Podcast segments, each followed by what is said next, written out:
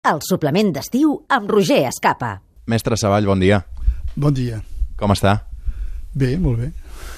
On som ara mateix?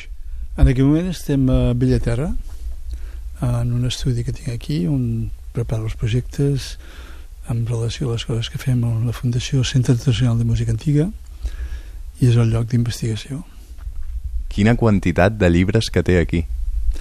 Bé, els llibres són indispensables per anar-se informant, anar treballant i anar aprenent, aprenent sobre la història, sobre la vida, sobre la música. Són indispensables. I un munt d'instruments també, no? De decoració o els toca aquests també? No, la majoria que tinc instruments els toco, sí, sí, tots els toco. Comencem? Com vulguis.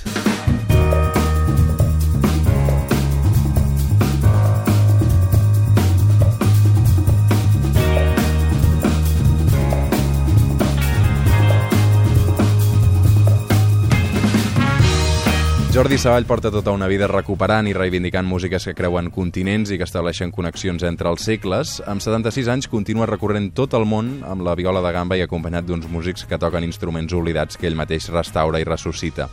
Avui, enmig d'aquests viatges, l'hem visitat a casa seva, a Bellaterra, justament ara que compleix 50 anys de carrera professional. I amb el mestre volem parlar de música, de cultura, de política i també del, del país de Catalunya. Crec que aquest 2017 eh, té 170 concerts en una seixantena de països diferents. Com s'organitza? Bé, tinc, tinc, tinc una molt bona organització eh, que, bé, són una dotzena de persones que treballen en l'organització de la Fundació, musicòlegs, gent que treballa, que ve els concerts, el que preparem tota la qüestió de viatges, totes les qüestions de planificació, i això és possible perquè hi ha un equip molt bo, un equip molt bo també de músics que m'acompanyen, els quals treballo de fa, alguns d'ells ja fa 40 anys. I tot això és possible també perquè, bueno, la, per mi la música és la meva vida. És a dir, molta gent em pregunta per què, com és que no pares a aquesta, no? És que bé, parar de fer una cosa que és la que et dona eh, felicitat, que és la que et dona estímul per aixecar-te cada dia i estar content de poder viure encara noves experiències seria absurd, no? Vull dir, un, la música no és, una, no és un ofici normal. La música és felicitat, m'ha dit, eh? La música és felicitat i sobretot és compartir, compartir la bellesa. I això, poder descobrir una bellesa que s'havia estat oblidada, plena d'emoció, poder-la recrear amb músics que t'estimes i que aprecies i poder-la compartir amb un públic que ho està esperant és una de les coses més meravelloses del món, no?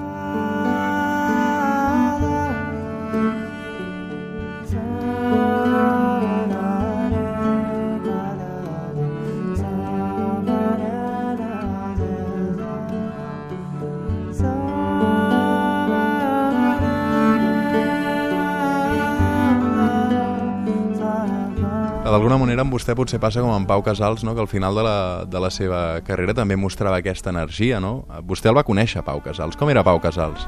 Pau Casals, Pau Casals era un, gran, un grandiós músic, era una persona extraordinària, i el vaig conèixer eh, quan jo tenia 16 anys al Festival de Prades, i ja tenia, en aquell moment devia tenir 80 i pico d'anys, i tenia una energia, no podia afinar el violoncel, tenia el seu deixeble que afinava, però quan tocava transmetia una, una energia, una, una força espiritual i una força de, de, dels sentits extraordinària. I am a Catalan.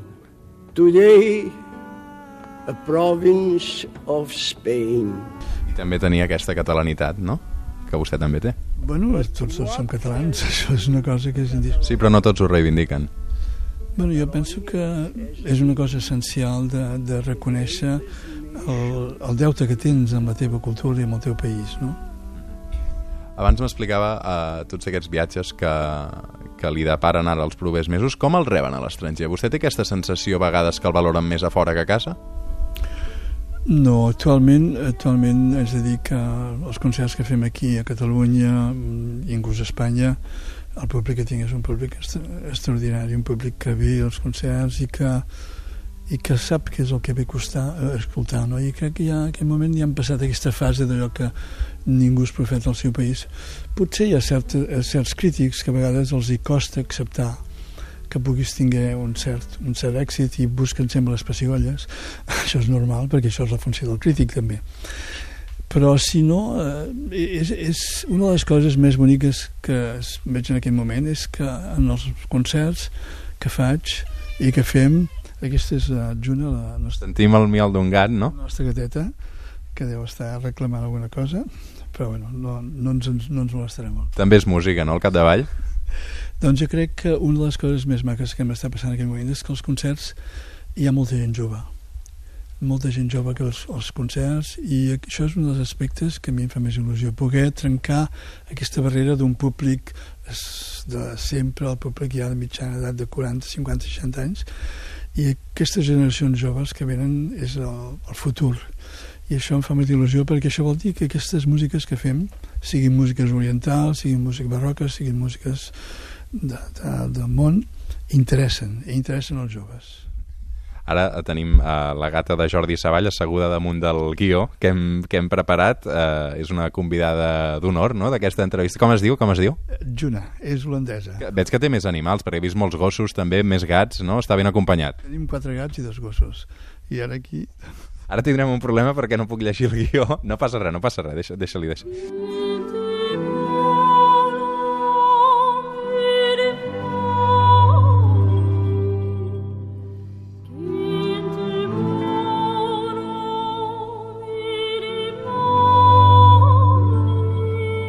Parlàvem de música. Quina importància té la música en el desenvolupament individual d'una persona? Jo diria que la música és fonamental al desenvolupament individual perquè, de certa forma, naixem amb la música. És a dir, esdevenim humans gràcies a la música. El primer contacte que tenim amb el nostre entorn, amb els nostres pares, és la manera de cantar les paraules.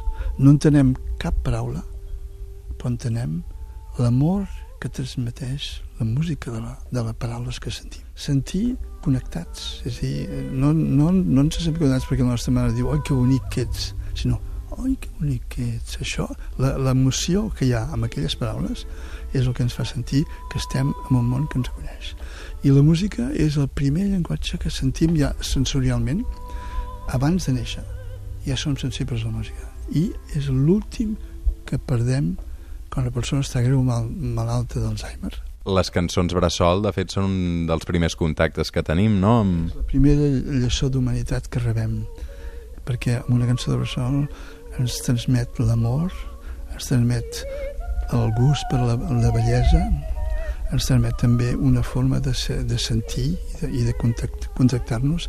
És, és, una, és, un, és un exemple de totes les coses que poden haver i per això és tan important en les famílies que els fills sentin cançons, de cançons cantades, no enregistrades, sinó cantades pel pare o per la mare. Wirst du wieder Què passa quan ara se substitueix aquesta cançó bressol que cantava el pare o la mare per un artefacte tecnològic? Ah, no, es perd tot. No es pot, no es pot. La, la, el so eh, mecànic no ens afecta de la mateixa manera que el so humà, perquè el que afecta d'una cançó és l'humanitat que porta i tot l'amor que porta la persona que la canta. A vostè, més enllà de músic, molta gent el defineix com un humanista. És una bona època pels humanistes? És, és una època en què necessitem humanistes. És una època en què hem de pensar que de fa molts anys el, el ser humà ha deixat d'estar al centre dels interessos globals, polítics, econòmics i per tant necessitem tornar a dir no, el més essencial eh, de la humanitat és el ser humà i el ser humà ha de viure en un entorn que respecti tot el que és viu que respecti el seu planeta, que respecti l'entorn. I això és una de les coses fonamentals. Si volem que aquest, que aquest món sigui un món habitable, just, i on es pugui arribar a una certa felicitat en la vida, hem de tornar a posar al centre dels nostres interessos el ser humà i això vol dir ocupar-nos de que hi hagi una, una vida en què els, els joves puguin tenir una educació, puguin tenir un futur en què la gent pugui desenvolupar-se la vida sense estar patint. Jo crec que hi ha moltes coses que hem deixat anar perquè el món s'ha construït per un, per un món artificial en què el poder econòmic i el poder absolut ha dominat tot. Per tant, no té clar que l'espècie humana vagi cap endavant?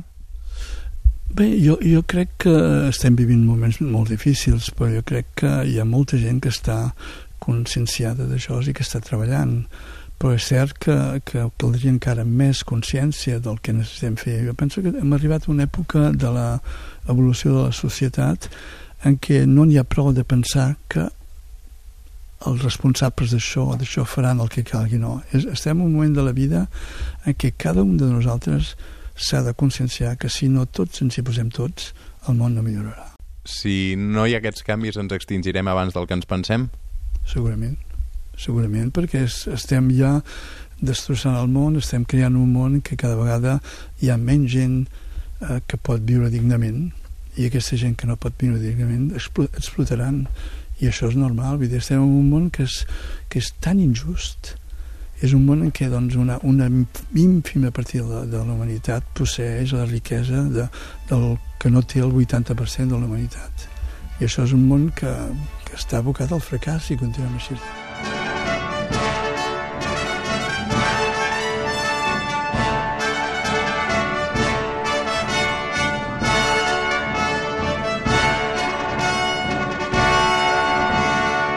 El 29 d'octubre de 2014 el govern espanyol li va concedir el Premi Nacional de Música i vostè el va refusar. Per què? El va, vaig refusar perquè portava ja una vintena d'anys intentant desenvolupar projectes i intentant demanar al, al, al Ministeri de Cultura que fessin alguna cosa per la recuperació del patrimoni ibèric és a dir, de que hi hagués un pressupost per ajudar els músics que fan música antiga a desenvolupar projectes, a fer conèixer els grans mestres de, de la música ibèrica. Mai vaig tinguer un, un resultat positiu d'això. Per tant, jo feia encara no sis mesos que havia anat a veure el secretari d'Estat de la Cultura presentant uns projectes i mai se'm va donar cap resposta positiva a tot això. Per tant, vaig, vaig trobar-ho tan fora de lloc vaig pensar, bueno, si he estat aquí anys rere anys, inclús havia presentat un projecte a l'època de Zapatero per crear la capella real de les Espanyes, un projecte en què unís els millors músics de tota la península creant un conjunt en què hi haguessin catalans, bascos, valencians, eh, castellans i fer música històrica i recuperar el patrimoni. Vaig anar a veure la reina, vaig reunir-me amb, amb Zapatero. Res. I quan tu penses, doncs, veus perspectivament la indiferència que hi ha en el, en el mateix Ministeri de Cultura per la pròpia cultura musical. Dir, no puc acceptar un premi així. I em va ser molt greu perquè vull dir, vaig entendre que el jurat eh, em, em va fer un, un reconeixement i em va saber greu per les persones que em van otorgar aquest premi però a nivell de ministeri no el podia acceptar. I em va saber greu també eh, els 30.000 euros. Que no va guanyar. No, però vaig pensar hi ha moments a la vida que, que és important dir això no és, no és acceptable. I per això vaig també escriure un text detallant exactament per què no havia acceptat aquest premi. Aquest menyspreu a la cultura eh, només passa amb les institucions espanyoles o les catalanes també, el menyspreu en la cultura? No, a veure, jo crec que hi ha una diferència mm, jo aquí a Catalunya tinc la sort de, a nivell musical d'estar reconegut i porto ja ara uns bons 20 eh, anys en què la Capella Real de Catalunya ha tingut un suport de, de la Generalitat. Tinc també en aquest moment la col·laboració amb l'auditori amb, la, amb el, amb el Liceu per tant jo aquí no puc dir que no hi ha hagut una sensibilitat. Aleshores, com s'explica que el pressupost del Departament de Cultura només representi un 0,8% del total? No, bueno, jo estic parlant ara personalment, jo no puc ser desagraït i dir que la, una altra cosa és que la cultura no té els mitjans que caldria. Això és una altra cosa. Són dues preguntes diferents. Ara jo a nivell personal no puc dir que no he tingut ajuda perquè l'he tingut i tinc, una ajuda també de l'Institut Ramon Llull per poder fer concerts. Són ajudes relativament modestes per el que representa altres grups a l'estranger, però sí que és, estic totalment d'acord que eh, a nivell cultural no potenciem prou eh, tot el, el, el, el que podríem fer culturalment i el que necessitaria un país. Què li exigeix a Jordi Savall, el nou conseller de Cultura? Bé, jo penso, eh, primerament, mm, la paraula exigir eh, no seria la paraula que se'm vindria això. Jo penso... Li de... Vostè és el mestre, jo crec que està en condicions de fer-ho, no? Jo penso que hem de ser conscients que un país ha de ser conscient del seu patrimoni i eh, una de les responsabilitats del govern d'un país és fer que aquest patrimoni sigui reconegut i que això permeti d'ajudar tota la gent que estan treballant per la conservació i per la creació d'aquest patrimoni. Per això vol dir també els creadors, els artistes que estan inventant, que estan creant, els que estan recuperant el patrimoni. Jo penso que és molt important pel món actual i si volem tinguer un, una, una visibilitat en el món que vivim és que la nostra cultura sigui viva.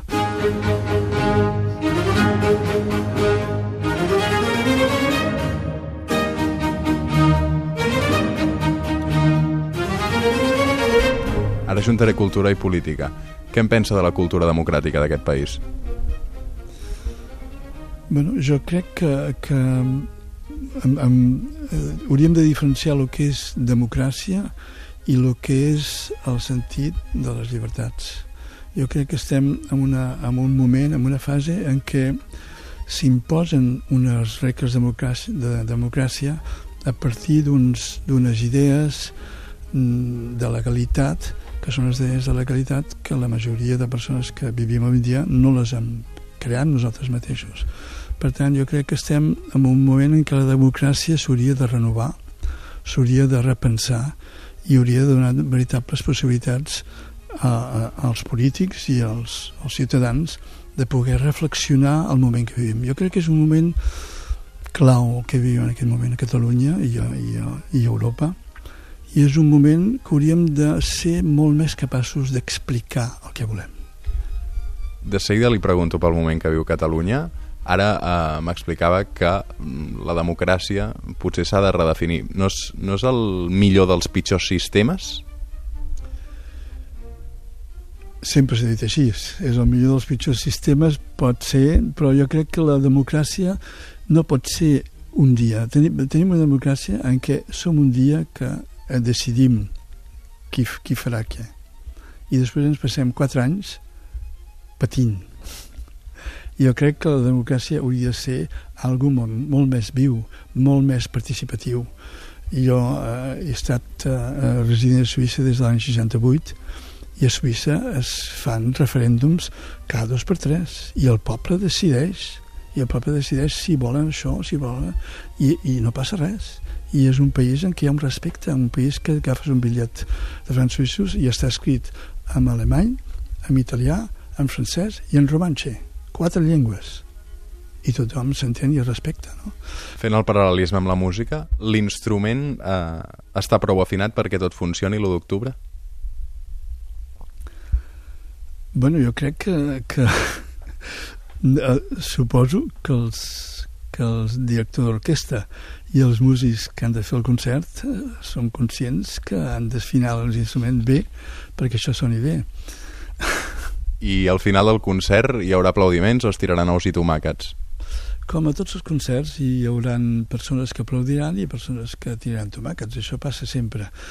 No, no hi ha mai o rarament un concert d'aquest tipus que dongui una unanimitat perquè som per naturalesa som molt diferents però jo crec que aquí la clau de tot això i crec que el que seria més important seria que aquest mes de setembre hi hagués un veritable debat que hi hagués una veritable exposició dels pros i contres del que anem, de què anem de votar. És a dir, s'hauria de tenir realment obrir clarament i explicar què és el que es vol fer amb aquest, amb aquest uh, referèndum.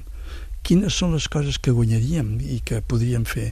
Donar una idea molt clara i deixar parlar els que estan contra. És a dir, jo crec... Fins ara no ha estat possible, això. De moment només es parla de si es pot fer o no es pot fer, Exacte. però no el debat de fons, no? Exacte. Per tant, és, és, molt, és molt important, si fem un referèndum, que la gent sàpiga per què. Perquè necessitem saber quin país volem. Necessitem saber què volen els catalans. I l'única forma de saber-ho és fent un referèndum i saber quantes persones estan d'acord amb el que fem avui en dia, quantes no estan d'acord i quins serien els reptes que podrien fer, no? Per això això s'ha d'explicar. S'ha d'explicar per què fem aquest referèndum i què és el que guanyaríem si fossin independents i què és el que perdríem si no fos Fa la sensació, però, que la relació entre govern català i espanyol acabarà com una batalla medieval, no? Jo espero que no, perquè una batalla medieval era molt bèsties, eh? les batalles medievals eren terribles, no hem d'oblidar. No, jo crec, jo crec que serà molt frustrant perquè jo crec que serà difícil de, de que les coses passin bé. I quan les coses no es passen bé, hi ha molt, hi ha molt mal rotllo. Jo crec que és, això és, és molt greu que es creï aquest mal rotllo entre la gent. Jo crec que tots ens interessaria crear un país que funcionés.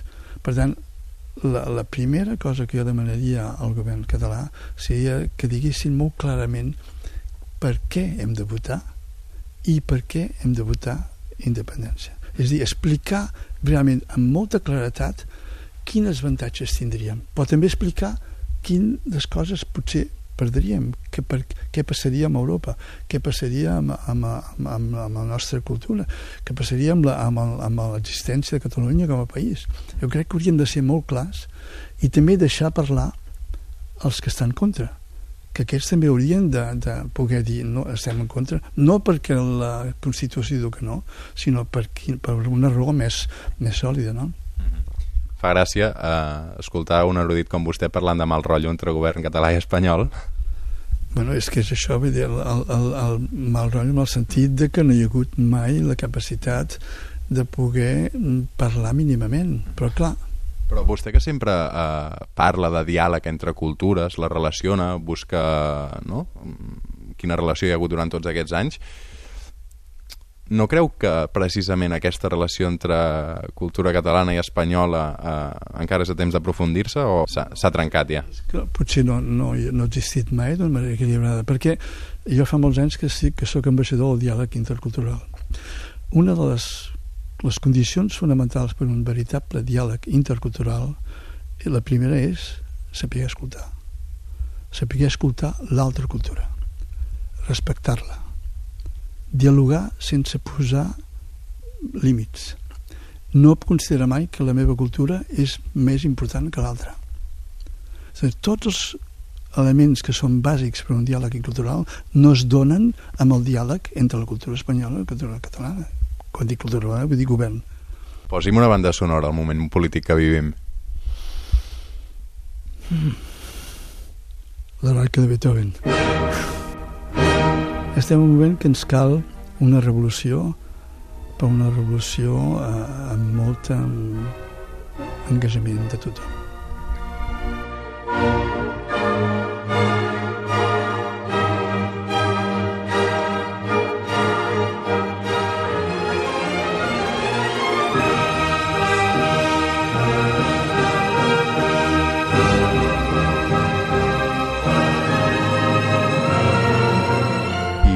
Dels segadors està prou actualitzat per continuar sent l'himne nacional de Catalunya? Jo la lletra dels himnes dels segadors no, la, no, és, no trobo que sigui la lletra més adequada per un himne. És una lletra que és massa despectiva, que és massa violenta. Jo crec que en aquest moment ens caldria un himne més espiritual i més no tant parlar de, de, de fals i de, i de, i de, confrontació. Jo crec que necessitaríem, aquí necessitem un himne de la joia, necessitem un, un himne que ens dongui coratge i que ens ajudi a, a passar un moment que serà difícil i que serà també difícil perquè serà eh, ens, ens posarà uns contra els altres perquè no hem d'oblidar que Catalunya està formada de gent que està d'acord amb, amb que cal un major independència però també hi ha molta gent que estan molt bé així per tant, no oblidar que aquestes persones també tenen els seus drets i tenen la seva mm, necessitat de sentir-se catalans i sentir-se espanyols. Jo crec que això no hem d'oblidar-ho. No podem construir una, una Catalunya sense integrar tots els catalans pensin com pensin. I això, per fer això, s'ha de ser molt dialogant i sobretot s'ha de ser molt pedagògic. Què en pensa de la música moderna que es fa avui dia? Quina música moderna? Luis Fonsi, per exemple, és uh, el vídeo més escoltat de la història de YouTube. Despacito, quiero respirar tu cuello despacito. Jordi Savall, sap què és el Despacito? Eh, naturalment. Molt bé, però eh, quant temps durarà això? Segurament poc. És efímer, no? La, la, no hem de confondre l'èxit momentani d'una cosa amb el que és essencial. Les coses essencials duren. Aquests èxits brutals que hi ha en aquest moment tenen una vida tan curta que bueno, fan feliços a molta gent i això és l'important. Jo crec que, que tots necessitem ser feliços i si un moment ets feliç sentint despacito, per què no? Jo, jo no, no hi tinc res a dir. El que hem de pensar és que la música és també un aliment. I, una, i, un, i una, és un aliment que ens, que ens ha de portar energia positiva. I això només ho trobes quan la música té un contingut, té un missatge i està cantat amb bellesa i amb emoció. I sigui que sigui, pot ser una cançó de bressol pot ser un cant popular eh, d'Escòcia, de, de, pot ser un cant africà o pot ser una peça de jazz, és igual, pot ser un pop, pot ser bon Bob Dylan o què sí. però sempre hi ha d'haver aquest aspecte, hi ha d'haver un contingut que ens parli i ens emocioni. Si la música ens emociona i ens toca, anem bé. És igual el que sigui. Hi ha qui pensa o qui diu que la música que vostè reivindica és avorrida. Què li diria? Jo diria que potser potser segons en quin context l'escolta, si estat tocada d'una manera avorrida, pot ser avorrida. Jo m'he avorrit moltes vegades escoltant la música barroca i la música antiga. L'avorriment no és culpa de la música, és sempre culpa del que la, de la manera que s'interpreta. És a dir, la millor música de Bach o de Mozart pot ser avorrida si l'intèrpret no li sap donar la vida. La música no és mai completa en ella mateixa. Sempre depèn del músic de, de, de la vida que li dona la música. Què li queda per fer vostè? Moltes coses. jo, jo tinc en aquest moment eh, i, i he adoptat la filosofia que tenia Gandhi de dir, visc cada dia com si hagués de ser el meu últim dia de la meva vida i estudio cada dia com si hagués de viure mil anys perquè el que és fantàstic quan arribes a la meva edat és quan et despertes al matí i dius, ostres, quina sort, estic viu encara, i et despertes amb ganes d'acabar una cosa que estàs treballant, d'estudiar i de tocar de nou. Aquesta idea de, de poder continuar fent les coses que, que t'estimes, de poder estar amb les persones que t'estimes, de poder viure intensament, és fonamental. Mestre Savall, gràcies per haver-nos obert les portes de casa seva i molta sort. Gràcies.